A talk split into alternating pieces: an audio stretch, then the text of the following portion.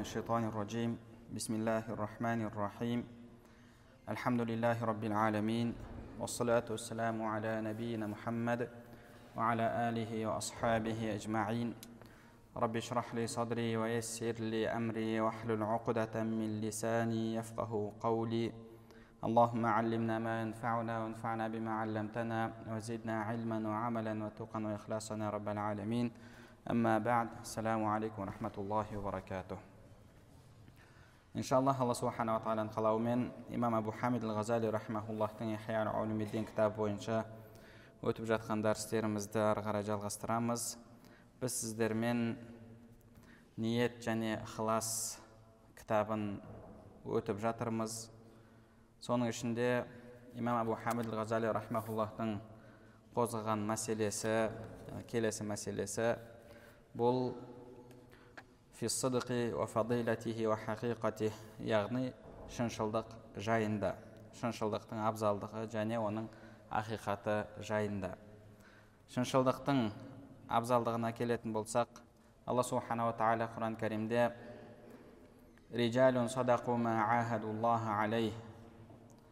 алла субханала тағала пайғамбарымыз саллаллаху алейхи уассаламның сахабаларын сипаттап олар сондай адамдар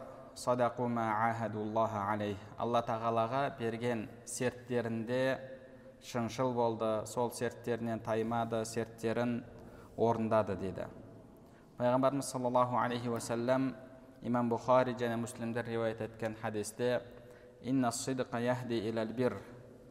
والبر يهدي إلى الجنة وإن الرجل لا يصدق حتى يكتب عند الله صديقا шыншылдық адамды жақсылыққа бастайды жақсылық адамды жәннатқа бастайды.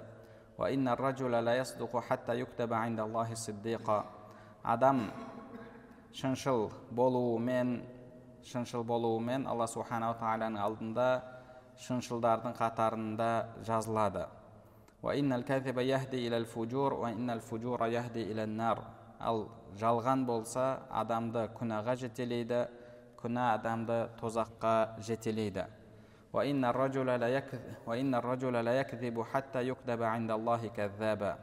Адам жалған айтып жалған сөйлеп және жалпы алла тағаламен мәмілесінде жалғаншы болып соңында алла тағаланың алдында жалғаншылардың қатарында жазылады. Және сондай ақ жалпы шындықтықтың абзалдығына құранда алла субханала тағаланың пайғамбарларын сипаттаған аяттары жеткілікті құранда алла субханала тағала фил китаби ибрахим иннаху кана сиддиқан набия ибрахимді еске ал ол пайғамбар әрі шыншыл еді дейді және алла субханала тағала исмаил алейхисалам жайында да واذكر في الكتاب إسماعيل إنه كان صادق الوعد وكان رسولا نبيا исмаилді еске ал исмаил уәдесінде шыншыл болған және пайғамбар әрі елші еді дейді алла субханала тағала идрис алейхисалам жайында да уәзкур фил китаби идрис иннаху кана сиддиқан набия идристі еске ал ол да шыншыл әрі пайғамбар еді дейді және сондай ақ пайғамбарымыз саллаллаху алейхи уассалам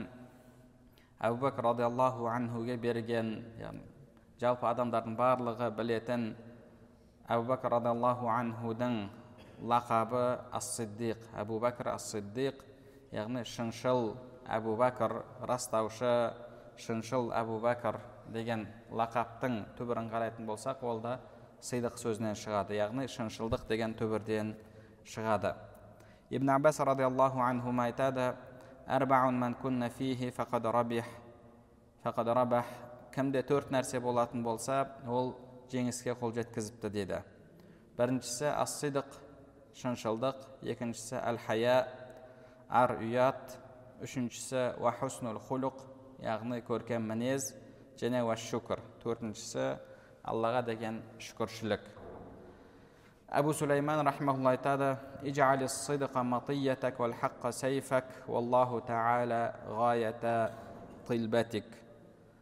яғни шыншылдықты өзіңе қайық ет ақиқатты өзіңе қылыш ет және алла тағаланы сол талап еткен ең жоғарғы нәрсе ет деді өзің талап еткен ең жоғарғы нәрсе ет бір үлкен ғалымдардың біріне бір кісі келіп мен шыншылдарды көрген жоқпын өмірде бір шыншыл адамды кездестірген жоқпын деген кезде әлгі кісі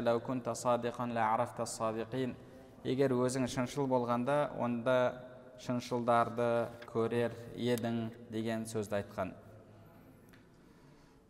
Имам ән нури рахмаулла айтады құранда алла субханала тағаланың аятына қатысты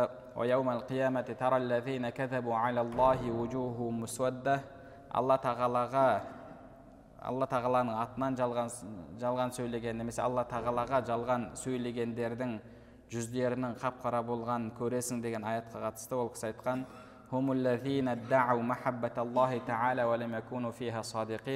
олар алла тағаланы жақсы көреміз деп бірақ сол сөздерінде шыншыл болмағандар дейді.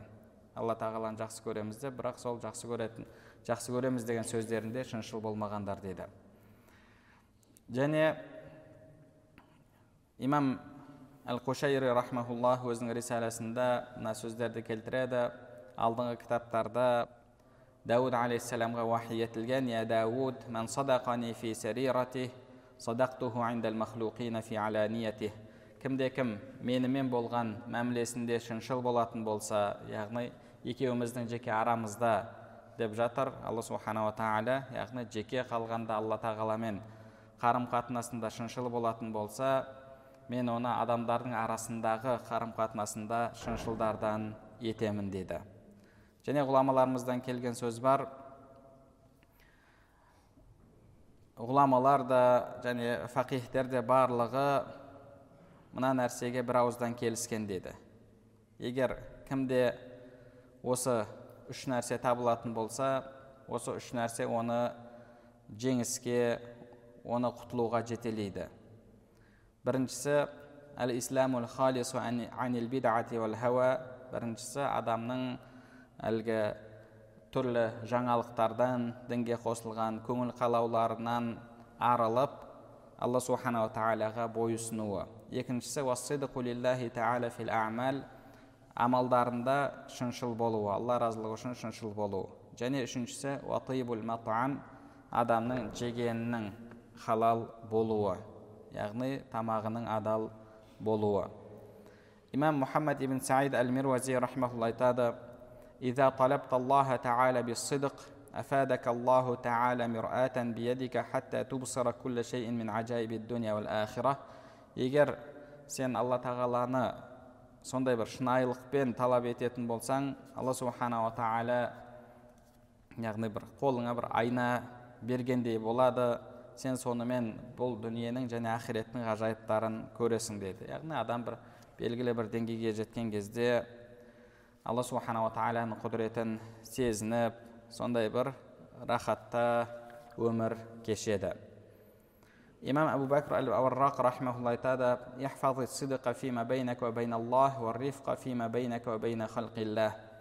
алла мен өзіңнің араңда шыншылдықты сақта адамдар мен яғни жаратылыспен өзіңнің араңда жұмсақтықты сақта дейді.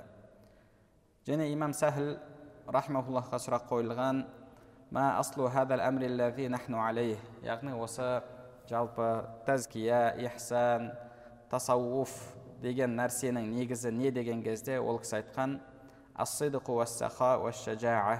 ол шыншылдық және жомарттық және ержүректік батырлық деген фақила зидна және тағы да яғни қосымша айтшы деген кезде ол кісі яғни тақуалық ар ұят және адамның тағамының халал болуы деген тағамының адал болуы. Яғни адам осы нәрселермен шынайы ихсанға қол жеткізеді. Ибн аббас радиаллаху анхумадан риуаят етіледі. Ол кісі айтқан жалпы осы адамның кемелдігі жайында кемелдікке жетуі жайында қаулул хақ яғни шынайы сөзді айту ақиқатты айту және шыншылдықпен шынайылықпен амал ету деген. Енді жалпы шыншылдық дегеніміз не? Имам абу хамид ғазали рахмаулла айтады шыншылдық алты нәрседе болады деді. Шыншылдық алты нәрседе болады. Біріншісі сидықун фил қаул сөздегі шыншылдық. Екіншісі сидықун фил ниети уал ирада ниеттегі шыншылдық. Үшіншісі уасидықун фил азм яғни бір нәрсеге бел буу шешім қабылдаудағы шыншылдық. Және одан кейін сол шешім қабылдаған нәрсеңді орындаудағы шыншылдық амал амал етудегі шыншылдық және алтыншысы яғни осы біз айтып жатырған неше түрлі сипаттарды айтып жатырмыз. Діндегі мақамдар болған діндегі адамның қол жеткізетін дәрежелері болған неше түрлі мақамдарды айттық үмітті айттық таухидты айттық шүкіршілікті айтып жатырмыз сабырлықты тағы да басқа да сонда адамның қол жеткізуге мүмкіндігі болған діндегі деңгейлер сол нәрселерді талап ету және, және сол сипаттарда шыншыл болу деді шыншыл болу. Егер сол сипатта осы алтын нәрседе адам шыншыл болатын болса ол сиддиқ деді сиддиқ құранда алла субханала тағала бірнеше топтарды айтып кетті. Бірнеше топтарды айтып кетті. Мысалы аллаға шынайы бойұсынған алланың елшісіне бойұсынған адамдар жайында олар кімдермен болады деді? Алланың нығметіне бөленгер бөленгендер яғни пайғамбарлар сиддиқтар шухада яғни шахидтер уассалихин ізгілер деді. Соның ішіндегі осы сиддиқ деңгейіне жету үшін адамда осы алты нәрседе шыншылдық болуы қажет дейді. Ең біріншісі бұл ассидықул әуәл сидықул лисан яғни тілдегі шыншылдық. Тілдегі шыншылдық бұл бір нәрсенің хабарын беруде болады. Бір нәрсе жайында хабар беріп жатқан кезде болады. Бұл өткен шаққа қатысты немесе болашаққа қатысты және сондай ақ осының ішіне адамның уәдесінде тұруы уәдесінен таймауы да кіреді. Осының яғни адамның уәдесінде тұруы уәдесінен таймауы және сөйлеген кезде өткен шаққа қатысты болсын болашаққа қатысты болсын сөйлеген кезде шыншыл болуы тілдегі шыншылдыққа жатады. Әрбір адам өзінің тілін жалғаннан сақтауы керек. Тек қана шыншыл болуы керек. Яғни шыншылдықтың ең бірінші деңгейі осы болып табылады. Кімде кім тілін жалған сөзден сақтайтын болса ол адам иншалла садиқ яғни шыншылдардан болады. Шыншылдардан бірақ соның яғни бұл бастапқы деңгейі болып табылады. Бірақ оның яғни сіздің шынайы шыншыл болуыңыз үшін екі тағы да бұл деңгейіңізді немесе осы шыншылдығыңызды кемелдендіретін екі нәрсе бар деді біріншісі әл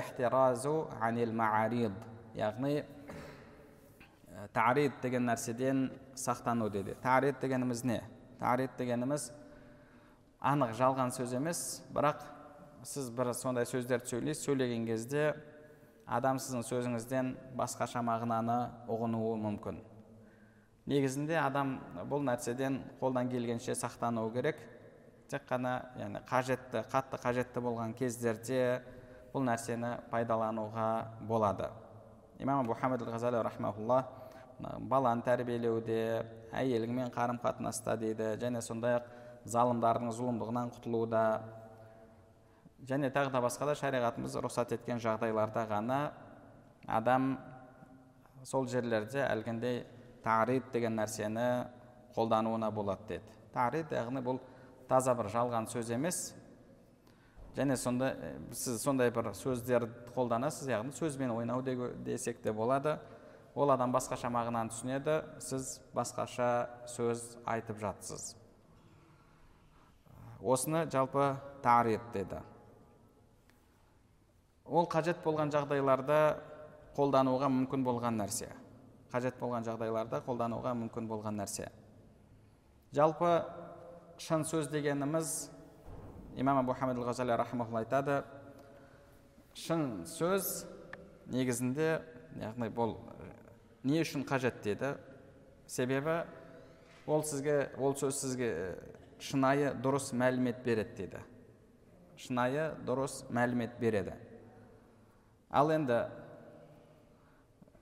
шынайы дұрыс мәлімет бермеу керек болса онда яғни қажет болған жағдайда онда әлгіндей тәсілді қолдануға болады деді. Мысалы пайғамбарымыз саллаллаху алейхи уассалам сапарға шыққан кезде яғни бағана шайқасқа шыққан кезде имам бұхари муслимдер айтады риуаят еткен хадисте дейді яғни адамдар басқаша түсінетіндей етіп бір сөздерді айтатын.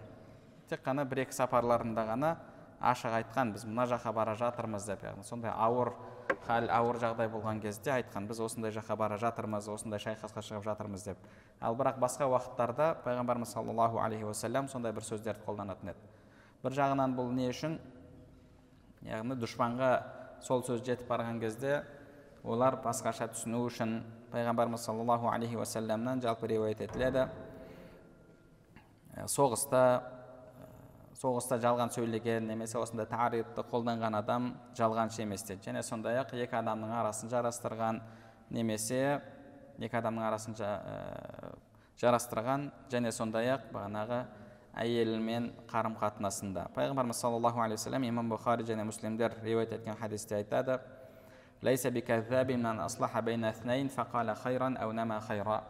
Екі адамның арасын жарастырамын деп жарастырамын деп әлгіндей бір сөздерді қолданған адам жалғаншы емес дейді.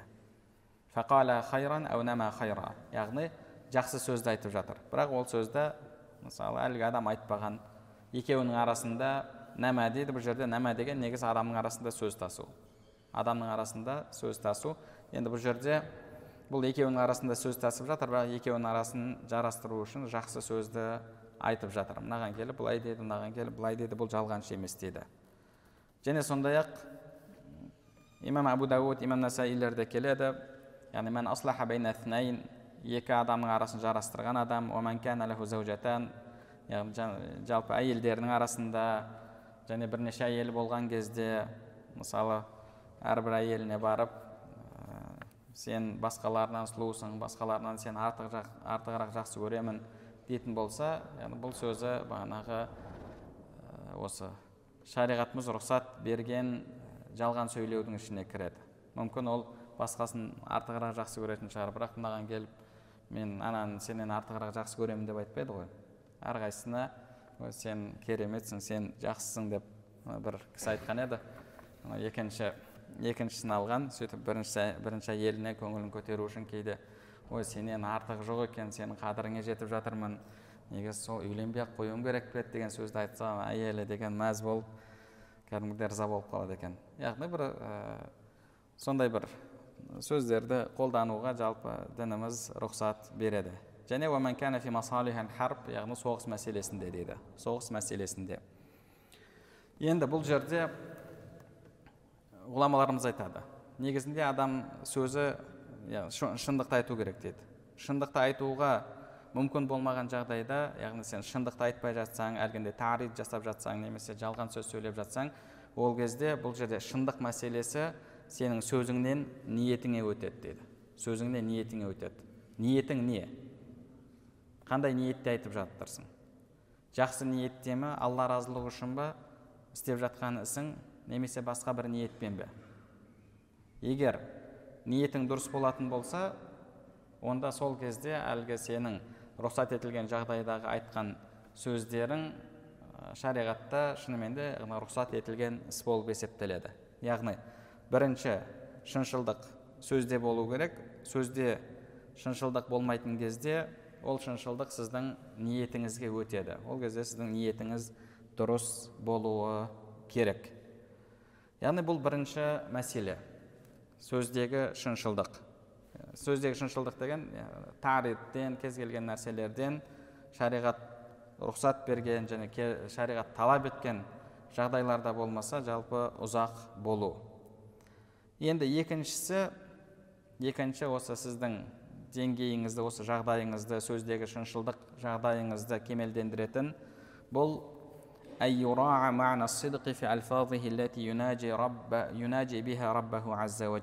яғни алла субханала тағалаға жасап жатқан дұғаңда дұғаңда айтып жатқан сөздеріңде шыншыл болу деді.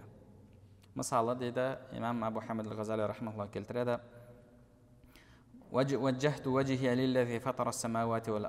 Мен жүзімді аспан жерді жаратқанға бұрдым десең дейді бұл жерде жүзімді деген яғни жалпы өзімді жүрегімді саған бұрдым мен басқа нәрселерге алаңдамаймын деген сөз. Бұны негізі енді басқа мазхабтарда неден кейін тәкбірден кейін осы сөзді айтады. Мысалы шафи мазхабында осы сөзді айтады. Біздіңкілер деген риуаятты таңдаған. Енді ол кісілерге ол кісілерге қиындау екен бұл кісі айтады енді. Осы сөзді айтып жатқан кезде дейді егер оның жүрегі басқа нәрсеге алаңдап басқа нәрсеге бұрылып тұратын болса оның жүрегі дүниенің ләззаттарына дүниенің шахуаттарына бұрылып тұратын болса бұл адам жалғаншы болып есептеледі дейді яғни шыншыл адам емес дейді немесе саған ғана құлшылық жасаймыз сенен ғана жәрдем тілейміз деп. Яғни әна абдуллах мен сол алланың құлымын алла ғана құлшылық жасаймын деп айтып бірақ сөзінде шыншыл болмайтын болса ол адам жалғаншылардың қатарында дейді. Жалпы адам аллаға құл болған кезде құлдың негізгі міндеті немесе негізгі мақсаты негізгі талап ететіні қожайынның разылығы. Одан басқа оған еш нәрсе керек емес. Енді кім қайсы бір адамда алланы разы етуден алланың разылығына қол жеткізуден басқа мақсат талаптар болатын болса бұл адам осы сөзінде осы дұғасында шыншыл адамдардан емес дейді. Және сондай ақ қияметте одан талап етілсе деді осы нәрсе яғни сен сол сөзіңде шыншыл болдың ба деп әне абдуллах мен алланың құлымын деген сөзіңде шыншыл болдың ба деп талап етілетін болса ол сол сөзге жауап беруге қиналады деді егер шын егер ол шынымен аллаға құл болмаса дүниеге құл болған болса нәпсісіне құл болған болса онда ол адам осы сөздерінде шыншыл адамдардан еместен дейді. Енді адамның аллаға құл болуы мен басқаға құл болуын айырып тұратын нәрсе не? Жалпы адамның жүрегінде неге деген махаббат басым жүрегі неге байланған ол сол нәрсенің құлы болып есептеледі. Пайғамбарымыз саллаллаху алейхи уассалам бір адамдарды абду динар динардың құлы деді. Динар деген алтын ақша. Бір адамдарды дирхамның құлы деді. Дирхам күміс ақша. Бір адамдарды пайғамбарымыз саллаллаху алейхи вассалам киімнің құлы деді. Қазіргі кезде де мансаптың құлдары бар. Мысалы мансапқа жету үшін кез келген нәрсені істеуге дайын. Бір адамдар дүниеге қол жеткізу үшін кез келген нәрсеге дайын. Бір адамдардың ойы есіл дерті тек қана мода. Бір адамдардың ойы есіл дерті мысалы тек қана өзінің шахуаты шахуатын қандыру бұл адамдар сол нәрсенің құлы болып есептеледі. Сол нәрсенің құлы. Яғни ол мен сенің құлыңмын о алла деген кезде бұл адам сөзінде шыншыл емес. Және қашанда шариғатпен алланың дінімен сіздің көңіл қалауыңыз бағанағы нәпсіңіздің қалауы немесе мансабыңыз тағы да басқа да сондай дүниелік істеріңіз екеуі қарама қайшы келген кезде сіз дінді таңдай білмесеңіз алланың бұйрығын таңдай білмесеңіз алланың бұйрығын жоғары қоя білмесеңіз онда сіз алла субханала тағаланың шынайы құлы емессіз. Сол бағанағы не нәрсені жоғары қойдыңыз сол нәрсенің құлы болып табыласыз. Сол нәрсенің құлысыз сол үшін де сіздің мен алланың құлымын о алла мен сенің құлыңмын сен менің раббымсың деген сөздеріңіз жалған болып қалады. Жалған болып қалады.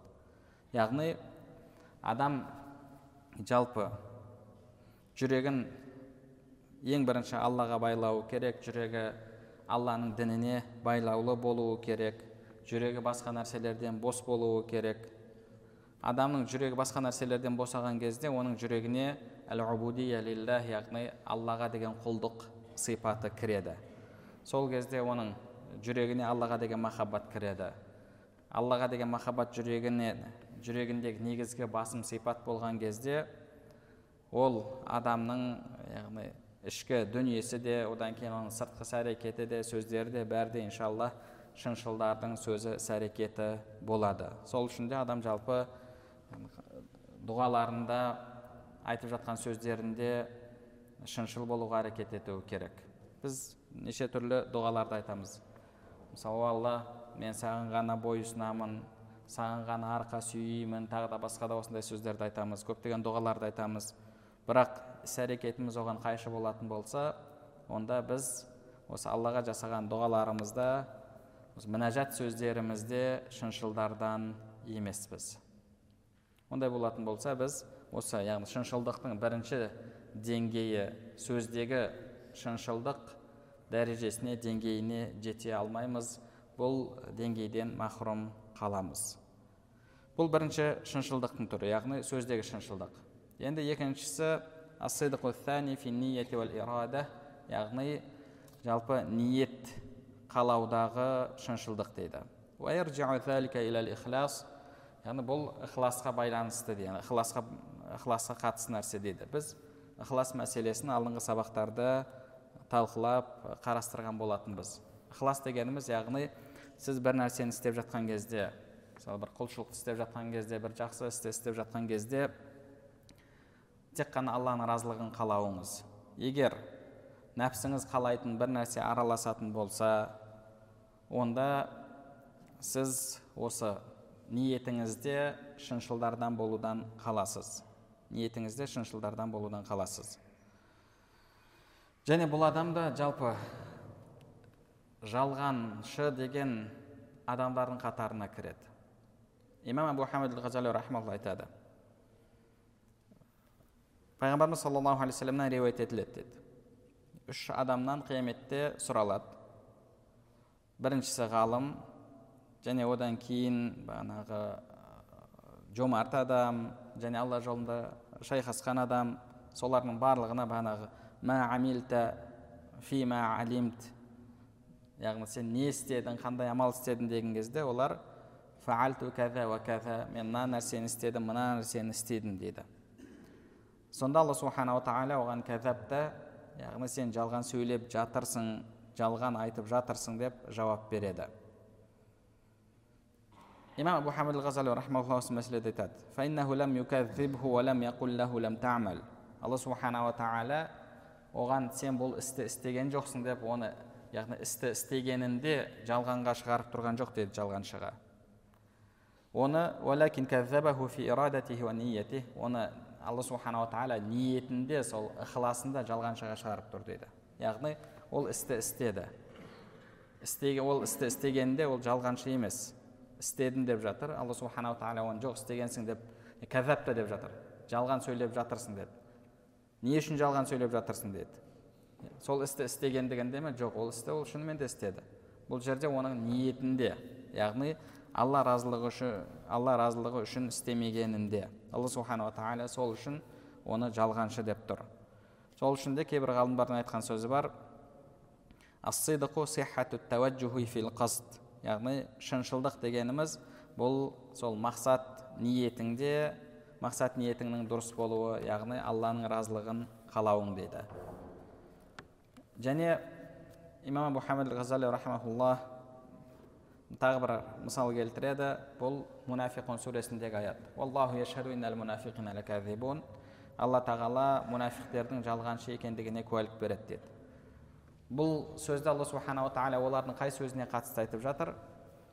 Құранда алла субханала тағала ол жайында айтады мұнафиқтар саған келген кезде сен алланың елшісісің деп айтады деді.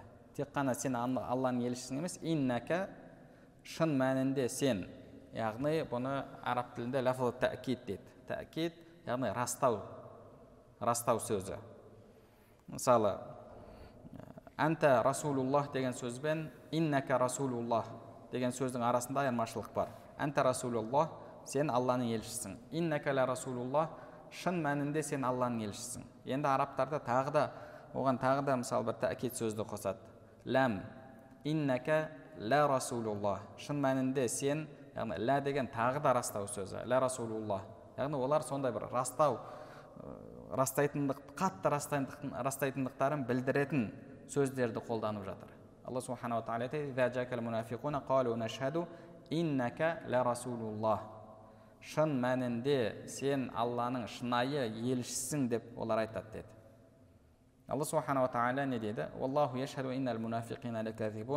алла тағала мұнафиқтердің жалғаншы екендігіне куәлік береді деді. Олар сен алланың елшісің деп куәлік беріп жатса алла субханала тағала оларды сол сөздерінде жалғаншы деп жатыр. Енді қай тұрғыдан олар жалғаншы пайғамбарымыз саллаллаху алейхи вассалам шынында да алланың елшісі ғой. Олардың сөзі жалған сөз емес. Олардың сөзі шынайы сөз ақиқат сөз. Шынында да пайғамбарымыз саллаллаху алейхи вассалам алланың елшісі. Бірақ бұл сөзді олардың айтып жатқан сөзін жүрегі растап тұрмағандықтан жүрегімен олар сол сөзге сеніп тұрмағандықтан алла субханала тағала оларды жалғаншы деді. Яғни бұл жерде тіл мен діл тіл мен жүректің арасында қарама қайшылық болып тұр. Тіл басқа нәрсені айтып жатыр жүрек басқа нәрсені айтып жатыр. Алла субханала тағала сол үшін оларды жалғаншылар деді. Яғни адам тілімен айтып жатқан кезде мысалы бағанағы дұғаны айтып жатсаң алла мен жүрегімді жалпы өзімді толықтай саған тапсырдым жүрегімді саған бұрдым деген сөздерді айтып жатқан кезде шынымен де ішіңізден жүрегіңіз толықтай аллаға бұрылып тұрмаса онда сіздің сөзіңіз де шынайы сөз болмайды. Сөзіңіз шынайы сөз болмайды. Ол кезде сізде ниетіңізде ықыласыңызда шыншыл болған адамдардан болмайсыз. Одан кейін яғни үшінші шыншылдықтың түрі бұл сидықул азім дейді. Сидықул азім азім дегеніміз не? Азім дегеніміз жалпы бір нәрсеге бел буу нақты шешім қабылдау. Соңғы шешімді қабылдау. Жалпы осыны араб тілінде азім дейді. Яғни мысалы адамға бірде бір ой келеді. Һәм ой келеді. Содан бір қалау пайда, қалау пайда болады. Одан бір ой келеді. Кейін ол ой күшейе келе азім деңгейіне жетеді. Азім деген яғни болды сіз толыққанды шешім қабылдайсыз. Осы нәрсені істеймін деп. Осы нәрсені істеймін деп толыққанды бағана шешім қабылдау. Осыны әзім дейді оған имам мынандай мысал келтіреді. Яғни егер алла тағала маған рызық берсе маған көп дүние беретін болса мен соның жартысын садақа етіп беріп жіберемін. Немесе мен дұшпанмен кездесетін болсам былай соғысамын деген секілді. Немесе егер мен мынандай мансапқа қол жеткізсем мен үйтемін бүйтемін деген секілді осындай бір шешімдерді қабылдау. Мысалы көптеген адамдарда сондай пікір ойлар болады. Әкімдер кейбір әкімдердің жағдайын көрген кезде кейбір басшылардың жағдайын көрген кезде ішінен сондай бір немен жұлқынып тұрып егер мен соның орнында болсам үйтемін соның орнында болсам бүйтер едім деген секілді осындай сөздерді айтады. Адам яғни бір нәрсеге шешім қабылдаған кезде жүрегінде екілену болмауы керек. Егер жүрегінде екілену болатын болса ол адам әлгі шешімінде шыншылдардан емес. Шыншылдардан емес. Яғни бір ешқандай екілену күмәндану деген болмаған сондай бір соңғы шешім болуы керек. Мына нәрсені иншалла істеймін былай болса былай деген секілді. Сол омар радиаллаху анху айтады. Имам бұхари келтірген ұзақ хадисте әбу бәкір радиаллаху анху халифа болып қабылданған кезде халифа болып бекітілген кезде ол кісі айтқан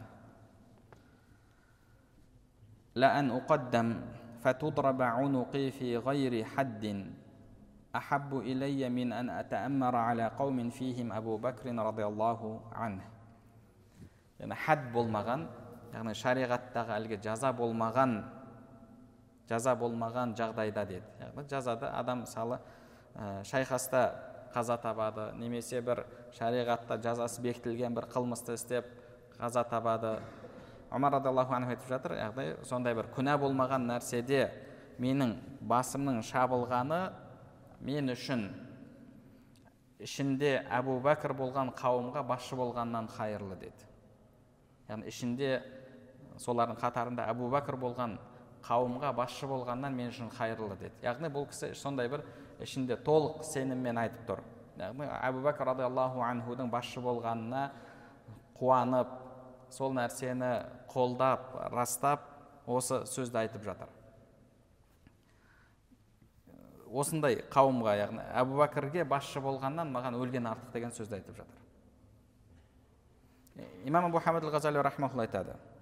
Енді яғни әбу омар радиаллаху анху бұл жерде жүрегімен шешім қабылдап тұр. Сол нәрсенің орындалуы жолында маған қайтыс болу артық. Мына нәрседен гөрі маған қайтыс болған артық деген сөзді қолданып жатыр. Яғни бұл яғни шешім қабылдаудың ең жоғарғы деңгейі деді ең жоғарғы деңгейі.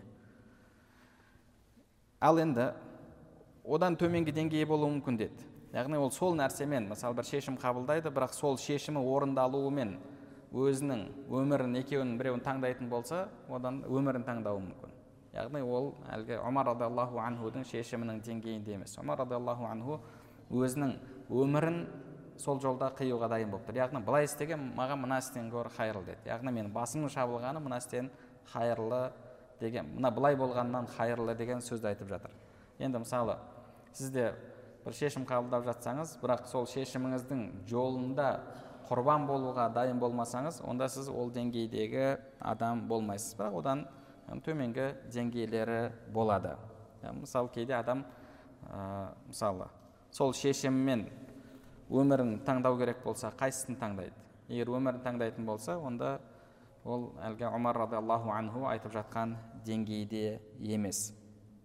Яғни мысалы және тағы да айтады сондай адамдар болуы мүмкін деді. Мысалы сол жағдайда болса сол жағдайда болатын болса әбу бәкір радиаллаху анхумен әбу бәкір радиаллаху анхумен өзін өмірімен ол кісінің өзінің өмірін таңдау керек болса өзінің өмірін таңдауы мүмкін деді. Бірақ сол кісінің болғанына қуанады сол кісінің болғанына разы болады. Бірақ ол әлбетте әлгі омар радиаллаху анхудың деңгейінде емес.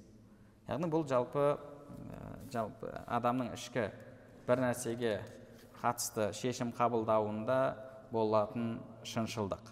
Ал енді одан кейінгі шыншылдық бұл сол шешім қабылдаған нәрсеңді орындаудағы шыншылдық болып табылады. Мысалы көптеген адамдар мен былай болса битер едім былай болса битер едім деп мысалы анау кейбір басшылардың пара алып жатқанын сол тапсырылған соларға тапсырылған аманатты дұрыс орындамай жатқан көрген кезде ішінде сондай бір ой болады ой мен болсам соның орнында үйтіп жіберетін едім кедейлердің жағдайын жасап жіберетін едім бір тиынды алмас едім бағанағы өзім ағайын туысқандарымды сол бір жұмыстарға мансаптарға қоймас едім деген секілді сондай бір шешімде ойда болады.